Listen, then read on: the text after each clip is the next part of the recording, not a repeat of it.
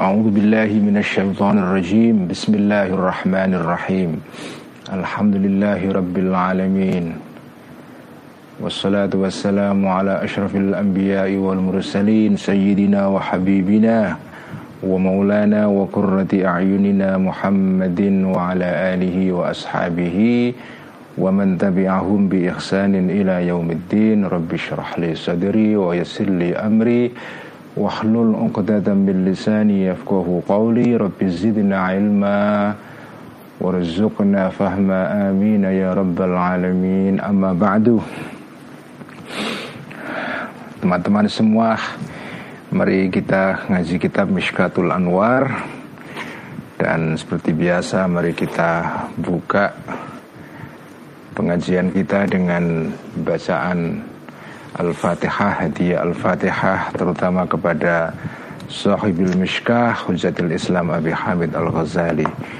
Ila ruhi nabina wa syafi'ina Muhammadin sallallahu alaihi wasallam ila arwahil Anbiya' wal mursalin wa ila arwahil ali wal ashabi ajma'in wa ila arwahil awliya'i wa syuhada'i wa salihin wa la immatil mustahirin khususan ila ruhi sultani al-qadir al-jilani wa ila arwahi awliya'i الأولياء المعتبرة وإلى أرواح أولياء الله تعالى في أرض جاوة وإلى روح ولي الله جدنا بأحمد متمكن قدس الله أسرارهم ونور ضرائحهم ودم بركاتهم ونفعنا بعلومهم وإلى أرواح العلماء الصالحين والمؤلفين والمصنفين خصوصا صاحب المشكاة حجة الإسلام أبي حامد الغزالي قدس الله سره ونور ضريحه وعلى بركاته ونفعنا بعلومه وإلى أرواح مؤسسي جمعية نهضة العلماء والجمعيات الإسلامية الأخرى في إندونيسيا وإلى أرواح علمائنا مؤسسي معاهدنا الإسلامية وإلى روح أبيك عبد الله رفاعي وروح أمي سلامة وروح أمي فاطمة Ghafarallahu dhunubahum wa satara ayubahum wa darajatihim. Minta hadiah Al-Fatihah juga untuk kesembuhan salah satu santri Ihya Mas Rendra Prasetya ya atau Mas Piko yang sekarang sedang dirawat di rumah sakit. Semoga segera disembuhkan oleh Allah dari penyakitnya juga hadiah Al-Fatihah untuk ibu mertuanya Mas Ahu Bojan, Mas Nurul Huda yang ada di Lombok yang juga sekarang sedang dirawat di rumah sakit. Semuanya semoga teman-teman yang lain yang sedang menderita penyakit di, segera disembuhkan oleh Allah. Tawasul dengan hadiah Al-Fatihah yang akan kita baca sekarang ini. Dan tawasul juga kepada Imam Ghazali. Lahum jami'an Al-Fatihah أعوذ بالله من الشيطان الرجيم. بسم الله الرحمن الرحيم. الحمد لله رب العالمين. الرحمن الرحيم. مالك يوم الدين. إياك نعبد وإياك نستعين. اهدنا الصراط المستقيم. صراط الذين أنعمت عليهم غير المغضوب عليهم ولا الضالين. آمين. بسم الله الرحمن الرحيم. "قال المؤلف رحمه الله تعالى ونفعنا به وبعلمه في الدارين. آمن ربي يسر rabbi. Kitab Mishkatul Anwar halaman 112 wa firqatun rabi'atun taraqqat min jahalati haula'i wa ya. Ini kita masih berbicara mengenai orang-orang ya yang dihijab ya oleh kegelapan ya. Jadi ini kita masih membahas mengenai hadis terkenal yang sudah kita baca beberapa hari atau minggu yang lalu mengenai Allah itu mempunyai hijab ya. mempunyai penghalang yang menghalangi seorang hamba untuk bisa melihat al-haq melihat kenyataan yang sejati ada 70 hijab. Wakila ada uh, 700 wakila ada 70 ribu ya. Dengan kata lain hijab yang menghijabi kita ini dari Allah itu banyak sebetulnya ya. Nah hijab itu dibagi dua, eh, dibagi tiga ya. Seperti sudah dijelaskan sebelumnya Yaitu hijab yang terdiri atau hijab berupa kegelapan murni ya ada hijab berupa cahaya ada hijab yang merupakan campuran dari keduanya ya. Nah apa eh, orang-orang yang terhijab oleh kegelapan ya itu dibagi dua seperti sudah dijelaskan sebelumnya ya. Jadi ada dua yaitu yang pertama adalah orang-orang yang apa orang-orang yang menganggap ya bahwa dunia yang berupa dunia materi ini itu adalah segala-galanya. Ya, ini orang yang disebut dengan orang-orang naturalis atau materialis ya. Orang-orang yang menganggap bahwa di balik dunia materi ini tidak ada dunia lain yang gaib. Tidak ada dunia alternatif ya.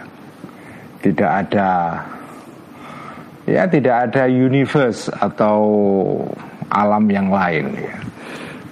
Nah orang seperti ini sebetulnya orang yang terhijab itu Orang yang dihalangi untuk melihat kenyataan yang sejati oleh kegelapan. Apa itu kegelapan?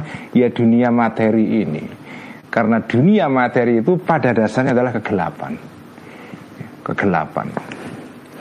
Yang kedua adalah orang-orang yang terhijab ya karena mereka ini kesibukannya, concernnya, fokusnya, passionnya itu hanya dengan hal-hal yang bersifat duniawi.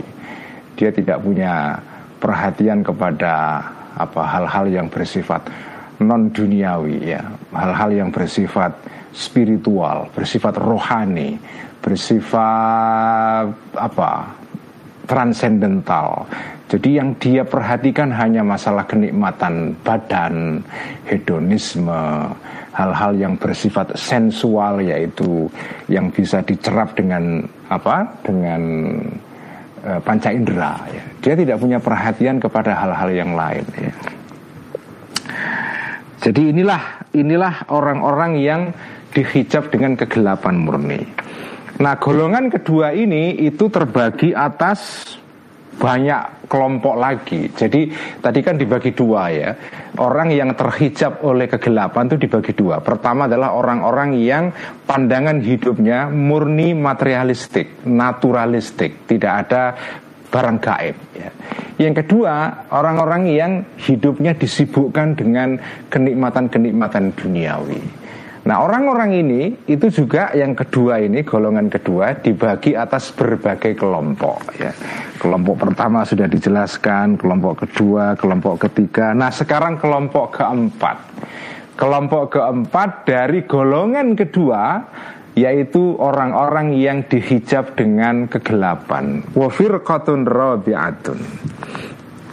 Wafirqatun dan sekelompok ya. Wafir dan kelompok. Uh, rabi'atun yang keempat ya.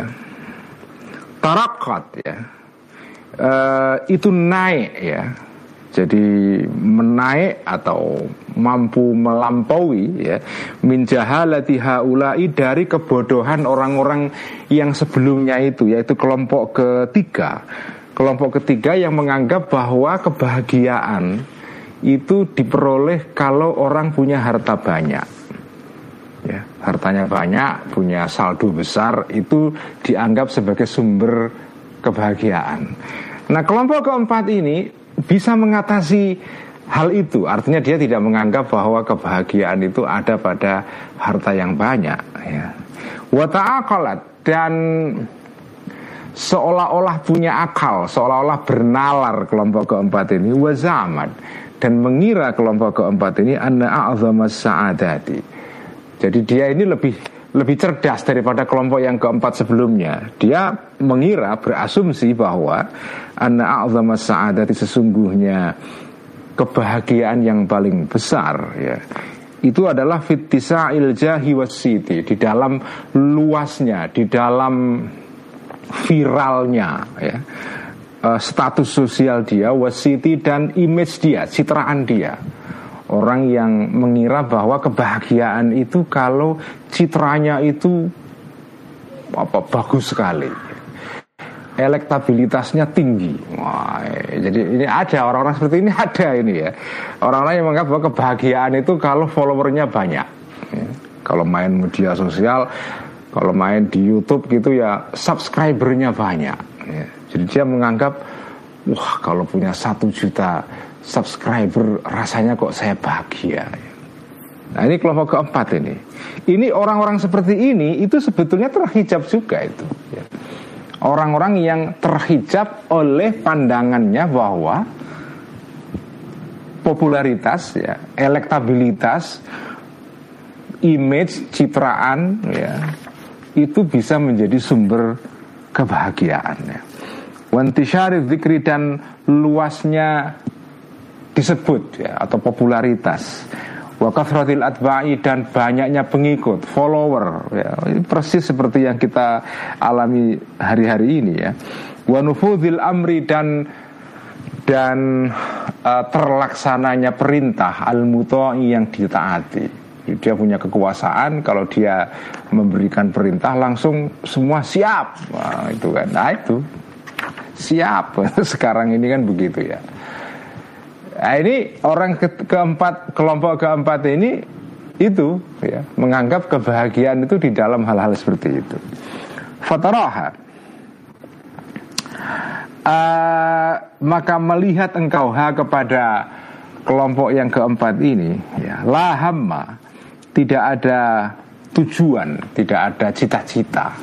Laha bagi kelompok keempat ini ilal muraatu kecuali pamer. Ya pekerjaannya tiap hari pamer terus ngunggah gambar ngunggah pokoknya apalah semua hal di diunggah terus itu ya. Al muraah ya. Jadi dia tujuan hidupnya hanya al muraah pamer show show off ya wa imaratu matarihi absarin nazirina. Dan apa itu? Uh, dan memanjakan itu imarah itu ya. Wa imaratu uh, motorihi absorin nazirina. Dan memanjakan tempat atau objek sasaran dari mata-matanya orang-orang yang melihat ya. Dia karena tujuan hidupnya itu adalah pamer terus menerus ya jadi dia berusaha untuk membuat orang-orang yang melihat dia itu senang itu. Itu maksudnya imarah itu ya, memanjakan. Pokoknya segala hal yang membuat orang itu kagum pada penampilan dia, dia senang sekali itu ya.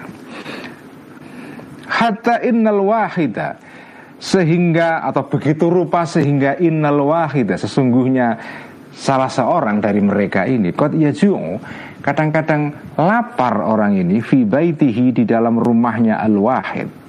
Wa yahtamilu dan menahan ya, menahan al-wahid ad terhadap apa? kesengsaraan. Wa yasrifu dan membelanjakan al-wahid ini malahu hartanya al-wahid ila thiyabin kepada baju-baju ya tajam malu yang ber uh, ber apa itu ber uh, bersolek ya. Al wahid ini biha dengan siap indah khuruji ketika keluarnya al wahid kaila yunzara supaya tidak dilihat ilaihi kepada apa al wahid ini ya. Apa ilaihi kepada al wahid biainil hakarati dengan mata penghinaan atau mata kehinaan ya. Nah ini persis seperti yang terjadi sekarang ya orang mending lapar ya dan daripada dia tampil tidak keren itu ya. Jadi dia mending tidak makan berhari-hari, duitnya dikumpulkan untuk membeli baju yang kelihatan mentereng sekali. Yang penting citranya bagus di hadapan para followernya, subscribernya dan seterusnya. Ini kelompok keempat ini ini adalah kelompok dari orang-orang yang terhijab tadi itu. Jadi ini hati-hati ya. Jadi ini ini ini ini salah satu bentuk terhijabnya orang adalah kalau orang itu terlalu memperhatikan citraan di luar ya sehingga melupakan hakikat itu. Jadi kalau jenengan kok masuk dalam kategori ini ya hati-hati ya. Kalau ya semua orang punya kecenderungan semacam inilah manusia itu pasti kepengen tampil keren dan dan apa ya uh, indah sekali, keren sekali di hadapan orang lain. Apalagi sekarang ya ini zamannya orang pamer kan sekarang ini narsisme kan. Wa asnafu haula'i dan golongan-golongan orang-orang tadi itu mereka-mereka yang golongan keempat ini layuh sauna tidak bisa dihitung uh, haula ini. Jadi golongan keempat ini itu jenis-jenisnya macam-macam. Dan berkembang sesuai dengan perkembangan zaman. Wa kulluhum dan semua ini mahjubuna terhijab mereka semua anillahi taala dari Allah taala bizulmati dengan kegelapan mahdha al mahdhati yang murni apa kegelapan itu? Wahia zulmah ini adalah nufusuhum Jiwa-jiwa mereka al-muzlimatu yang gelap itu. Jadi jiwa yang inginnya ya Keinginannya itu semata-mata untuk bisa tampil keren di depan orang lain Melupakan hakikat, melupakan esensi ya. Yang penting itu adalah uh, tampilan luar ya yang penting adalah casing, sampul luar, tidak memperhatikan esensi. Nah, orang-orang semacam ini pada dasarnya adalah orang-orang yang jiwanya terhijab. Jiwanya itu gelap pada dasarnya. Jadi ini ini ini ini sudah seharusnya menjadi apa ya? Ya, pepeling atau peringatan bagi kita masing-masing. Ya, tentu saja manusia punya kecenderungan pamer itu yang nggak bisa dihindarkan ya. Tetapi uh, kita harus tahu jebakan orang yang kepengen pamer itu. Jadi menghindari sama sekali mungkin tidak bisa. Dan ya kadang-kadang pamer itu ada gunanya juga, misalnya beli buku baru ya, kemudian dipamerkan di foto, diunggah di medsos ya ya di foto doang. Kadang-kadang yang nggak dibaca bukunya itu hanya dipamerkan oh saya beli buku ini harganya sekian.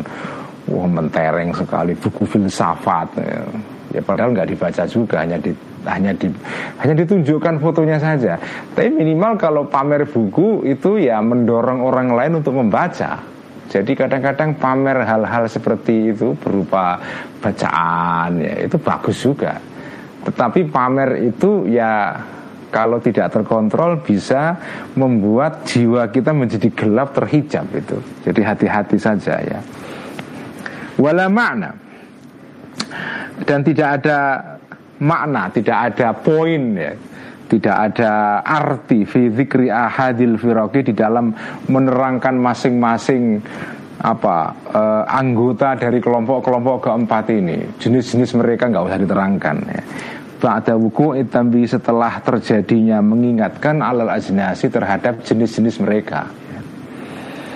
Jadi yang penting diterangkan apa kategori mereka. Kategori keempat adalah orang-orang seperti ini. Jadi nggak perlu diterangkan sampai ke detail-detailnya nanti berkepanjangan kitab miskat ini ya. hulu dan masuk. Nah ini ini bagian berikutnya. Ini ini penting karena ini kritik kepada kita semua sebetulnya. Uh, wayadkhulu dan masuk fi jumlati haula'i di dalam golongannya mereka ini yaitu orang-orang golongan keempat ini. Orang-orang yang ta'aqalat ya. Seolah-olah mereka ini punya akal. Itu ta'aqala itu dalam bahasa Arab uh, wazan atau bentuk tafa'ala ya itu bisa bermakna tadi itu orang yang tampak seperti apa tampak A tapi sebetulnya hakikatnya dia B atau C atau D dan seterusnya. Jadi misalnya ta'alama merasa pinter, tampak pinter, ya. tafakoha orang kelihatan ahli fikih padahal enggak itu ya.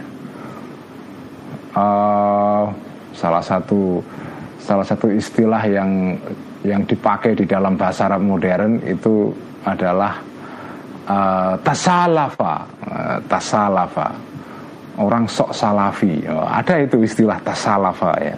Sok salafi itu ya. bukan sok selfie ya, sok salafi ya. Wayat hulu dan masuk fi jumlah di dalam golongannya mereka ini jamaatun segolongan. Yakuluna yang berkata mereka ini bilisanihim dengan lesannya mereka la ilaha illallah. Lesannya mengatakan la ilaha illallah, ikut tahlil dan segala macam. Lakin rubbama. Tetapi Kadang-kadang hamala mendorong hum kepada jamaah ini ala zalika terhadap ucapan la ilaha illallah itu khaufun takut ya. Dia takut kalau nggak mengucapkan la ilaha illallah akan di dimusuhi oleh orang-orang lain ya. Awistidharun atau minta tolong ya atau istidharun itu ya minta tolong bil muslimina terhadap orang-orang muslim. Ya jadi dia mengucapkan la ilallah sekedar supaya dia mendapatkan support dari orang-orang muslim yang lain. Watajamulun dan bermanis-manis bihim terhadap muslimin. Awistimdadun atau memperoleh atau mendapatkan min malihim dari hartanya al muslimin ya. jadi mengucapkan la ilallah sekedar untuk dapat berkat kalau tahlilan. Nah misalnya itu contoh yang paling bagus itu ya. Jadi apa mengucapkan la ilaha illallah tapi tujuannya bukan menghayati kalimat tahlil ini tetapi sekedar untuk mendapat mendapatkan harta itu ya. Awli ajli ta'assubi atau untuk tujuan ta'assub fanatisme linusrati madhabil abai untuk menolong, membantu atau me mendukung ya. Membela madhabnya para orang-orang tua ya. Leluhur kita ya. Jadi mengucapkan la ilaha illallah sekedar untuk menunjukkan bahwa dia ini adalah bagian dari golongan A, golongan B, golongan C misalnya ya.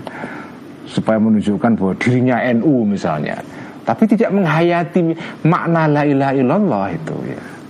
Ah, itu juga orang seperti itu, itu orang yang terhijab juga itu ya.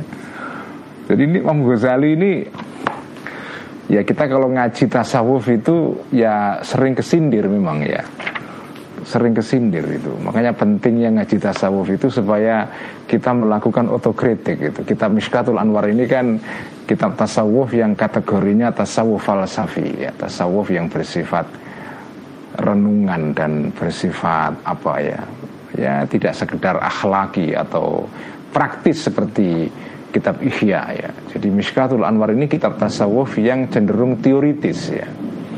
Cenderung bersifat apa rasional atau penalaran ya. Jadi orang yang mengucapkan la ilaha illallah sekedar untuk ta'assub golongan ya, membangga-banggakan golongan tertentu itu sebetulnya dia terhijab itu. Ya samalah mengucapkan takbir sekedar untuk menunjukkan bahwa dirinya ini golongan yang apa dianggap paling membela Islam misalnya eh, itu sama itu itu terhijab juga itu baca solawat tapi tujuannya bukan untuk benar-benar membaca solawat untuk kanjeng Nabi tetapi sekedar untuk ya menampakkan bahwa saya ini adalah bagian dari golongan ini atau golongan itu itu juga termasuk zulmah ya itu kegelapan itu yang menghijab kita dari al-haq yaitu kebenaran yang sejati ya. Nah kita kalau sudah paham begini ya kita berusaha lah ya. Uh, bukan berarti bahwa apa ya uh, menjadi bagian dari golongan ini golongan itu itu jelek ya. ya. Manusia itu tidak bisa menghindar dari dari menjadi bagian dari perkumpulan itu nggak bisa ya, karena manusia itu manusia itu naturnya atau tabiatnya atau karakternya esensinya itu kan ada ada dua dalam diri manusia itu. Ada badan ada jiwa. Ada jasad ada roh ya. Nah itulah elemen penting yang membuat kita menjadi manusia itu kan dua itu. Ada jiwa, ada tubuh ya. Ada sesuatu yang kelihatan di luar berupa jasad Ada sesuatu yang di dalam berupa roh itu Karena manusia itu elemennya ada elemen yang bersifat jasad Kita ini punya badan. Ya kalau nggak punya badan kita ya roh murni menjadi malaikat ya. Tapi kalau jenengan menjadi manusia konsekuensinya jenengan punya tubuh kalau jenengan punya tubuh, ya jenengan harus menjadi bagian dari perkumpulan orang-orang yang punya tubuh itu, entah organisasi, entah kelompok atau itu sudah pasti. Nggak bisa orang itu hidup itu sendirian ya, kecuali orang-orang tertentu yang memang memang diberikan makom oleh Allah menjadi seorang pertapa murni, biarawan atau rahib ya. Tapi itu kan nggak banyak. Sebagian besar manusia itu ya manusia sosial. Al insanu madaniyun bitabai. Ya, jadi manusia itu ya pada dasarnya secara tabiat adalah madaniyun. Dia menjadi bagian dari Madinah. Madinah itu apa? Komunitas, perkumpulan, kota, masyarakat ya. Apa negara dan seterusnya ya. Nah, cuma kita ketika membaca kitab Mishkat ini malam ini keterangan di sini ini kita harus hati-hati. Meskipun kita menjadi bagian dari suatu golongan tertentu kita tidak boleh dibutakan oleh golongan itu. Jadi jangan sampai kita ini terhijab ya. Jadi walaupun kita menjadi bagian dari golongan A, golongan B, golongan C dan seterusnya kita harus awas hati-hati bahwa itu semua itu bisa menjadi hijab itu. Itu semua kalau nggak kita waspadai bisa uh, apa? Bisa membuat kita terperosok ke dalam lubang hitam, yaitu kegelapan berupa ya fanatisme dan segala macam itu ya.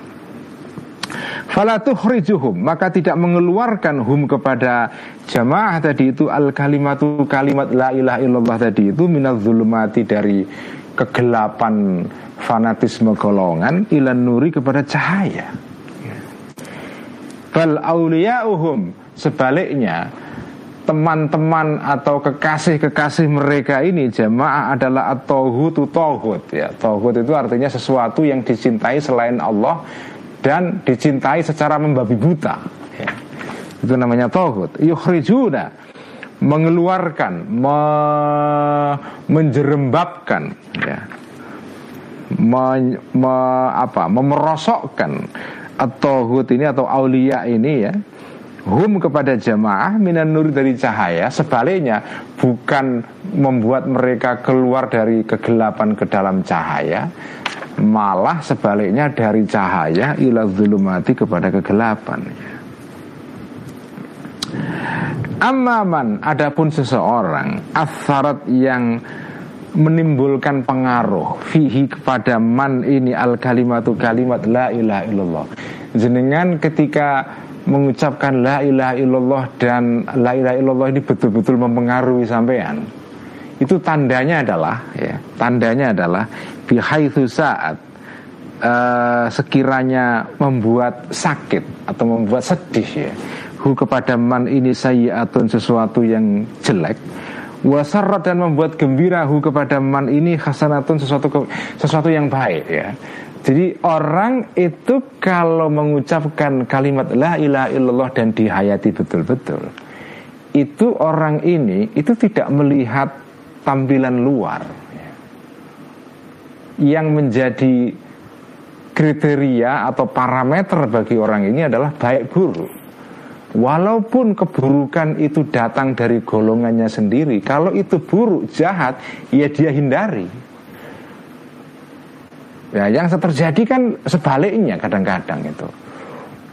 Setiap hari yang diucapkan la ilaha illallah, tapi kalau ada sesuatu yang jahat, yang jelek yang dilakukan oleh golongan orang itu, dia nggak peduli, dia bela itu.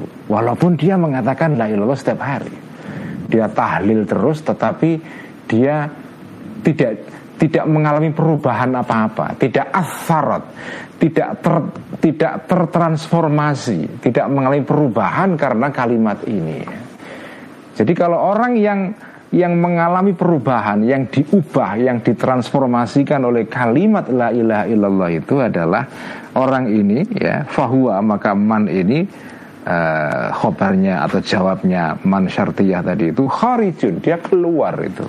Dia berhasil lepas min mahdzul mati dari kemurnian kegelapan atau kegelapan yang murni Wa ingkana senajan atau walaupun orang ini kathir ada orang ini al maksiati banyak maksiatnya.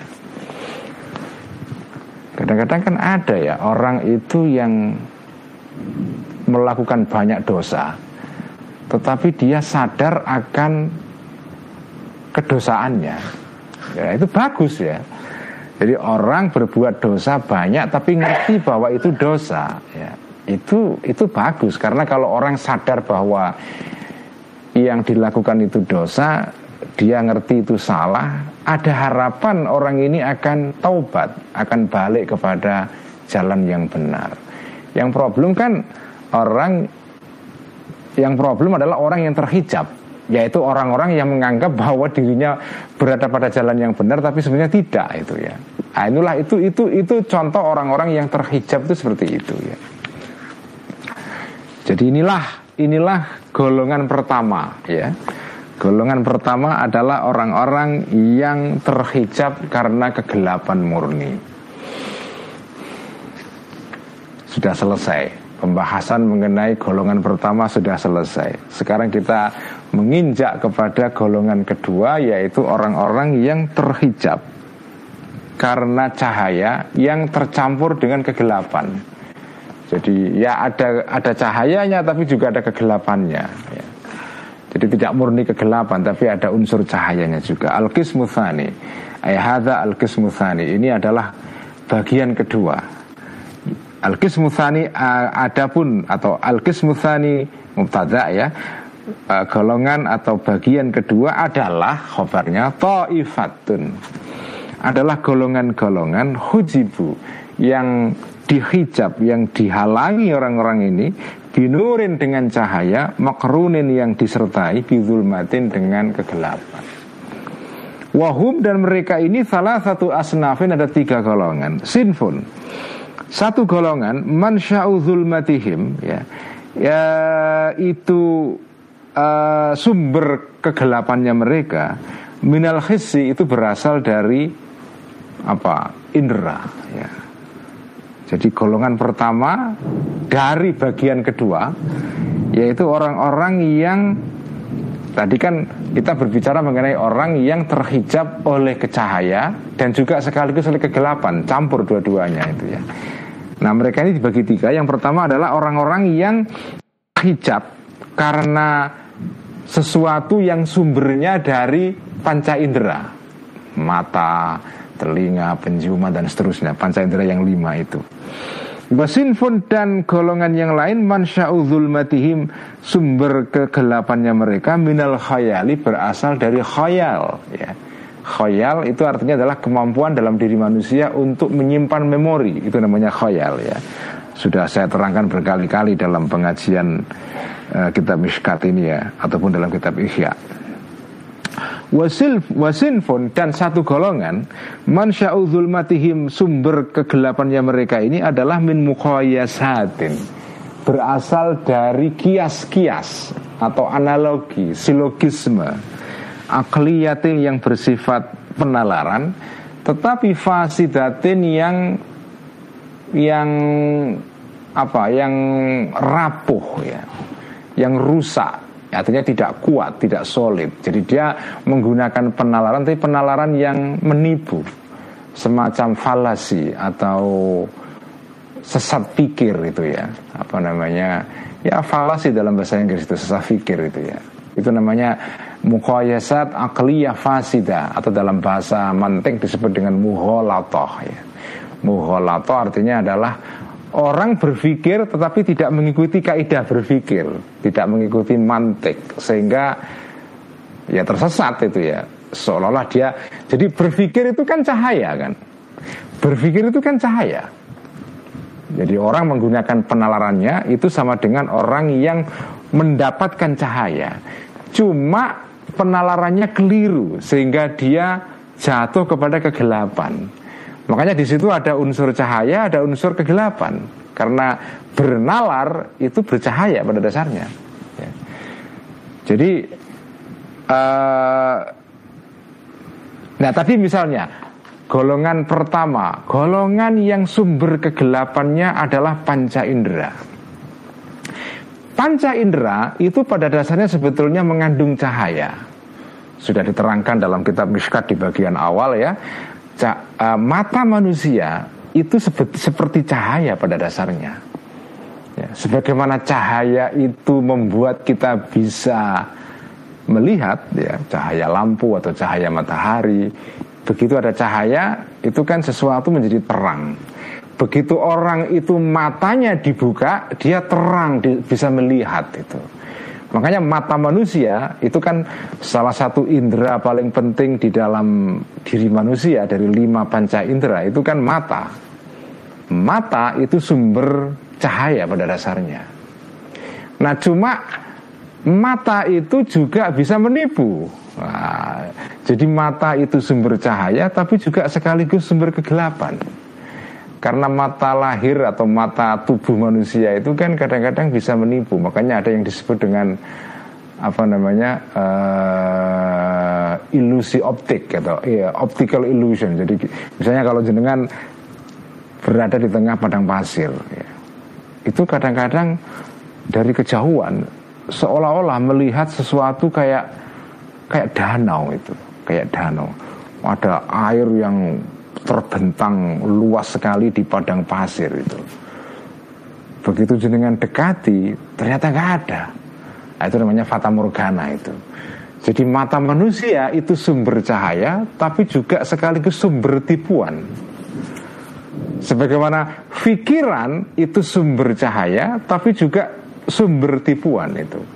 Itu kenapa disebut di sini sebagai hijab yang terbuat dari cahaya, tapi juga ada kegelapannya ya. Karena akal, penalaran, mukoyasat, akliya itu cahaya. Tetapi fasidah rusak, tidak mengikuti kaidah sehingga tersesat.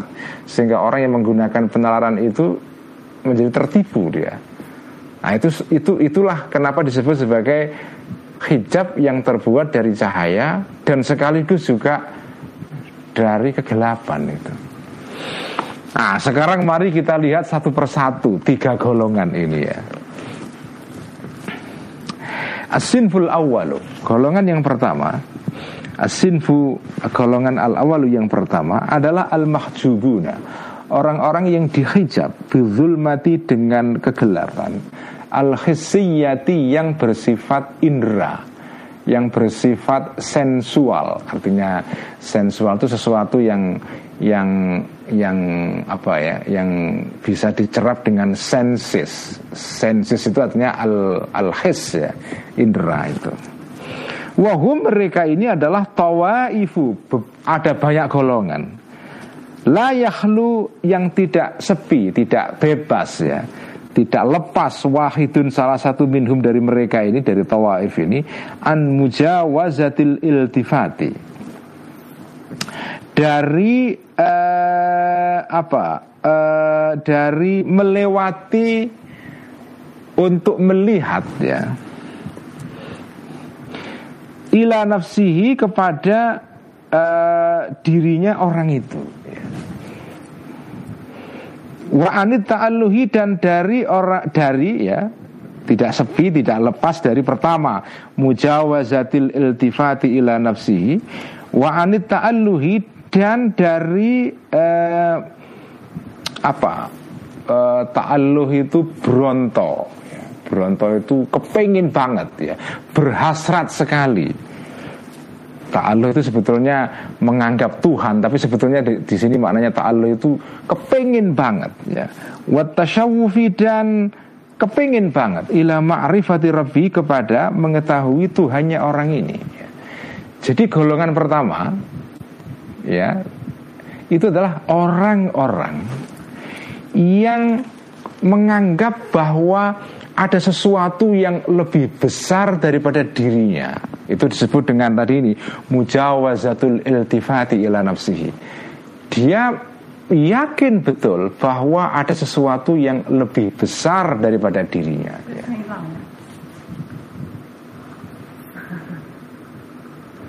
Wah, space-nya hilang ini.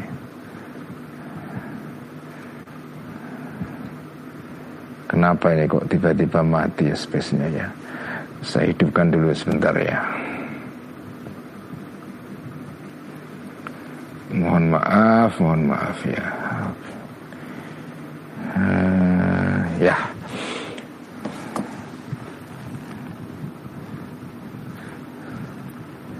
Jadi golongan pertama ini adalah orang-orang yang ya uh, menganggap bahwa ada sesuatu yang lebih dari dirinya. Itu namanya mujawazul mujawazatul iltifati ila nafsi. Dan dia kepingin mengetahui siapa itu yang lebih besar daripada dirinya itu. Itu Tuhan maksudnya kan? Maksudnya Tuhan ya. Jadi golongan pertama ini adalah golong, golongan yang uh, tidak lepas dari sifat-sifat ini. Pertama, dia menganggap bahwa dia dia menganggap bahwa ada sesuatu yang lebih, yang mel, yang melewati dirinya. Ya, artinya lebih besar daripada dirinya. Ada zat yang menguasai segala alam raya ini. Ya. Dan dia kepingin mengetahui siapa orang zat ini, siapa siapa apa ya ya Tuhan yang yang menjadi penguasa alam raya ini ya. Itu maksudnya at-ta'alluhi wa tasyawuf ila ma'rifati rabbih. Fa'awal, nah ini kan cahaya. Orang yakin bahwa ada sesuatu yang lebih besar daripada dirinya sendiri, ada sesuatu yang lebih gede daripada alam raya ini dan menguasai alam raya ini, maksudnya Tuhan. Orang yang seperti ini sebetulnya dia mendapatkan cahaya. Jadi dia sudah bisa melepaskan diri dari apalah ya eh, pandangan hidup yang bersifat naturalistik, yaitu yang menganggap bahwa ya yang ada ya hanya alam raya ini, alam yang bersifat material ini. Dia sudah bisa mengatasi cara pandang yang sempit itu. Dia yakin ada sesuatu yang lebih yang lebih besar di balik alam raya ini. Karena itu dia kepingin tahu atas syawuf ya ta'alluh dia merasa kepingin tahu. Cuma Nah ini cahaya. Cuma ketika dia mencari Tuhan ini, dia ketemu Tuhan yang keliru. Itu kira-kira begitu ya. Dia meng, dia menuhankan Tuhan yang yang keliru, bukan Tuhan yang benar itu. Nah, kekeliruan ini adalah kegelapan itu. Makanya disebut sebagai orang yang hijabnya terjadi atau terbuat dari campuran antara cahaya dengan kegelapan. Fa'awwalu darajatihi maka derajat pertama maka yang pertama dari derajat-derajat mereka ini orang yang golongan pertama ini adalah abadatul ausani adalah para penyembah berhala-berhala ya.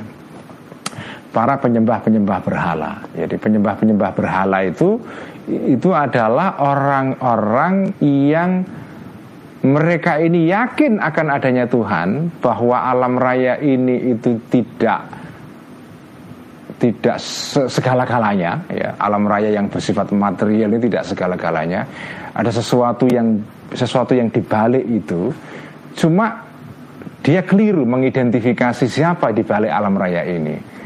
Lalu mereka menyembah berhala itu ya Ya ini pandangan yang tentu saja sudah dikritik sekarang. Ini kan kita berbicara mengenai Al Ghazali ya pada pada pada zaman dulu.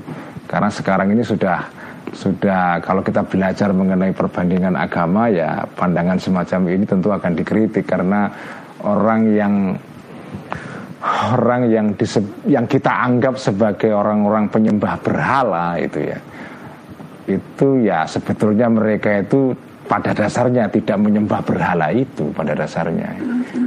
Ada Tuhan di balik berhala itu yang mereka sembah. Jadi jadi itu hanya simbol saja itu hanya ikon. Itu hanya sesuatu yang bersifat material untuk sesuatu yang bisa dilihat yang visual untuk menandai sesuatu yang dibaliknya ya. Ya meskipun kita sebagai muslim yang bertauhid tidak boleh atau punya pandangan yang berbeda ya Tetapi ada orang-orang yang konsep ketuhanannya itu adalah uh, begitu rupa sehingga mereka itu meyakini bahwa Tuhan itu punya dalam bahasa Hinduisme itu punya avatar, ya. punya reinkarnasi di dunia ini, yang dia menjadi simbolnya Tuhan itu ya.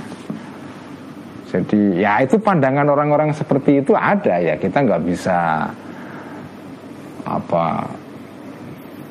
ya kita berbeda. Akidah kita sebagai orang Muslim tidak seperti itu tapi kita tidak bisa tidak bisa semena-mena mengkritik mereka atau me, apa ya menyalahkan mereka. Ya, ya kita hormati saja karena itu bagian dari keragaman keyakinan manusia ya ya tapi dalam pandangan Al Ghazali ini bagian dari contoh orang-orang yang terhijab ya. Jadi dia tidak wusul tidak sampai kepada Allah yang sejati karena ya dia kepingin ketemu Allah dia bisa kepingin sampai kepada Allah tapi terhenti oleh berhala ini. Jadi berhala ini itu kan sesuatu yang bersifat khisi sesuatu yang bersifat indrawi dia bisa dilihat itu karena material ada materinya ada bentuk fisiknya nah itulah itulah sumber kegelapannya sumber kegelapannya berupa sesuatu yang bersifat khisi yaitu berhala itu. Inilah contoh pertama ya. Wahiruhum dan uh, akhirnya atau ujungnya para tadi itu toifah yang yang dari golongan pertama ini adalah as-sanawiyah tuh. Orang-orang yang berpandangan tentang adanya dua Tuhan. Atau dalam ini ini keyakinan yang ada di daerah Persia ya sebelum datangnya Islam itu ada satu keyakinan di sana yang disebut dengan manikias manikia mani manikiaisme ya. Manikis manikiaisme ya. Ya mani, manikian manikian. Para pengikutnya seorang nabi yang dihormati di daerah Persia namanya Mani ya. Mani. Makanya disebut dengan para pengikut mani keyakinannya biasa dalam sejarah perbandingan agama disebut dengan mani kiaisme ya. Nah ini orang-orang yang dalam bahasa Arab disebut dengan as-sanawiyah. Orang-orang yang percaya bahwa Tuhan itu dua. Tuhan ke, ke cahaya dan Tuhan kegelapan ya. Ini salah satu keyakinan yang populer di daerah Iran atau Persia sebelum kedatangan Islam ya jadi Tuhan itu ganda. Ada Tuhan kebaikan, ada Tuhan kejahatan. Ada Tuhan kebaikan, ada Tuhan kejahatan. Ada ada yin, ada yang kalau dalam bahasa Cina itu ya. Ada kebaikan, ada kejahatan, ada nur, ada zulmah. Ada cahaya, ada gelap ya. Dan masing-masing itu ada Tuhannya sendiri-sendiri ya. Ya ini panjang pembahasannya. Nah orang-orang Manawi ini atau orang Sanawiyah ini orang yang dualis ya, orang yang menganggap Tuhan itu ganda, Tuhan cahaya dan Tuhan gelap ya. Itu sebetulnya juga orang yang terhijab. Ya. Cahayanya di dalam diri orang itu ada cahaya, yaitu dia yakin ada Tuhan, tapi juga ada gelap. Karena apa? Karena keyakinannya mengenai Tuhan keliru, gitu ya. Keliru dalam pandangan Islam tentunya ya. Wabainahuma dan di antara dua golongan ini yaitu orang penyembah berhala dan orang-orang yang meyakini adanya Tuhan dualisme ini dua dua Tuhan ganda ini darajatun ada berbagai derajat. Jadi jenis-jenis orang yang mempunyai konsepsi ketuhanan eh, di antara dua konsep ekstrim ini itu banyak sekali jumlahnya. Ya, kalau dihitung ya akan menghabiskan banyak halaman dalam buku Miskatul Anwar. Jadi intinya intinya eh, golongan pertama ini jumlahnya banyak sekali. Intinya orang-orang yang dari golongan pertama ini adalah mereka sumber kegelapannya berasal dari sesuatu yang bersifat khisi bisa diindra dengan mata itu atau dengan indera manusia ya ini menarik sekali ya. Jadi uh, keterangan Al Ghazali ini bagi saya ini kan keterangan keterangan yang berdasarkan istihadnya atau penalarannya Al Ghazali. Karena kan hadisnya nggak menerangkan ini. Hadisnya kan hanya mengatakan bahwa Allah itu punya hijab ber berjumlah 70 wakilah 700 wakilah 70 ribu tetapi hijabnya Allah itu seperti apa? Itu kan nggak ada keterangannya sama sekali.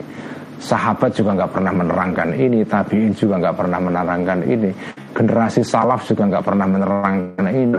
Baru di era Al Ghazali kemudian hadis ini hadis mengenai hijab ini didetailkan itu dianalisis diterangkan dengan detail dan kemudian di di apa ya diberikan contoh ya dari golongan-golongan yang ada pada zaman Al Ghazali ya.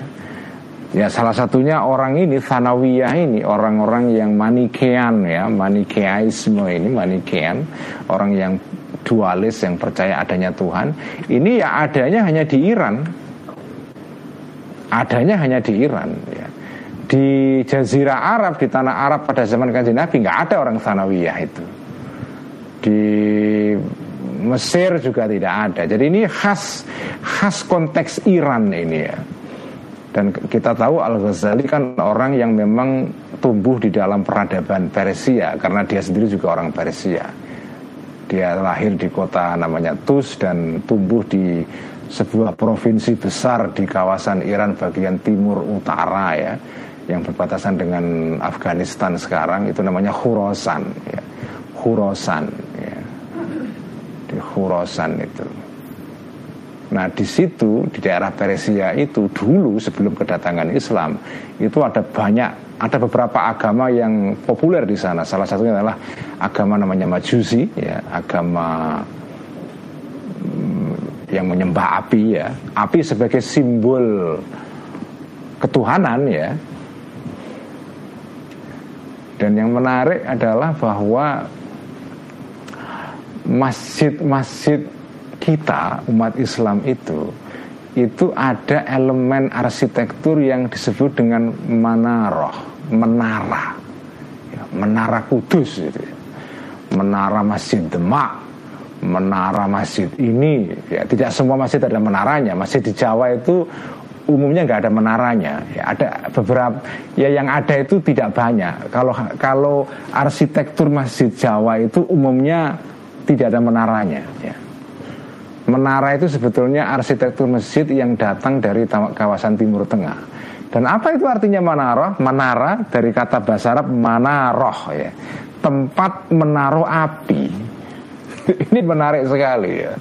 Manaroh itu artinya adalah tempat menaruh api. Nah ini nggak jelas apakah api di sini itu api apa ini? Apakah ada kaitannya dengan arsitektur yang berkembang di tanah Persia pada zaman sebelum kedatangan Islam di mana orang-orang Majusi itu kan eh, apa ya simbol sucinya mereka itu api karena api itu simbol ketuhanan itu. Nah, ap, tempatnya api itu namanya manaroh itu ya. Nah, apakah ada kaitannya dengan itu atau tidak? Ya, eh, saya tidak tahu ya. Tapi kata manaroh itu artinya adalah tempat api itu. Jadi sebelum kedatangan Islam di Persia itu ada beberapa agama namanya Majusi, ada namanya Zoroaster, agama Zoroaster ya, yang sampai sekarang masih ada di Iran dan ya walaupun pengikutnya sudah berkurang banyak, sebagian ada di India dan uh, di Irak ya. Tapi sudah merosot jumlah pengikutnya tapi itu agama Zoroaster itu masih ada sampai sekarang. Kemudian ada agama namanya Thanawiyah itu semua adalah agama-agama yang tumbuh di tanah Persia. Tidak ada pada zaman kanji Nabi di tanah tanah Arab ya. Nggak ada itu Nah ini keterangan yang diulas oleh Al Ghazali di sini untuk menjelaskan tentang jenis-jenis hijab ini ya berdasarkan pengalaman beliau dari tanah Persia ya. Jadi penjelasan Al Ghazali ini ya berdasarkan eh, konteks Persia ya. Inilah kelompok yang terhijab dan hijabnya terbuat dari atau hijabnya berupa berupa campuran antara cahaya dengan kegelapan dan kegelapannya berasal dari sesuatu yang bersifat hissi itu ya. Nah nanti di bagian berikutnya kita akan membahas mengenai soal para penyembah berhala. Kenapa mereka disebut sebagai orang yang terhijab uh, dan hijabnya merupakan campuran antara cahaya dengan uh, dengan kegelapan itu. Nah, nanti akan dijelaskan. Kita akan uh, berhenti di sini dan kita teruskan minggu depan dan ini adalah ngaji Miskatul Anwar tutup tahun ya. Karena ngaji Miskat minggu depan sudah tahun baru. Ya, tahun baru. Ini tutup tahun. Semoga tahun 2021 menjadi tahun yang membawa berkah kepada kita semua. Walaupun kita mengalami banyak hal-hal yang luar biasa pada tahun kemarin, tahun ini dan tahun sebelumnya pandemi yang luar biasa. Alhamdulillah kita masih diberikan nikmat oleh Allah Subhanahu wa taala sehingga bisa bertahan sampai malam ini ya. Dan semoga kita diberikan umur panjang bisa bertahan untuk tahun-tahun berikutnya. Ngaji kitab Miskat sampai selesai, ngaji kitab Ihya sampai selesai ya ngaji lagi dan ngaji lagi ya. Jadi sekian ngaji miskat malam ini sebagai ngaji tutupan tahun ini dan malam Jumat mendatang kita juga akan ngaji ihya tutup tahun. Nah, jadi minggu ini kita temanya ngaji tutup tahun ya. Ngaji tutup tahun. Sekian, mari kita tutup kita dengan bacaan sholawat bil qulub. اللهم صل على سيدنا محمد طب القلوب ودوائها وعافية الأبدان وشفائها ونور الأبصار وضيائها وعلى آله وصحبه وسلم. اللهم صل على سيدنا محمد طب القلوب. ودوائها وعافية الأبدان وشفائها ونور الأبصار وضيائها وعلى آله وصحبه وسلم. صل على سيدنا محمد طب القلوب ودوائها وعافية الأبدان وشفائها ونور الأبصار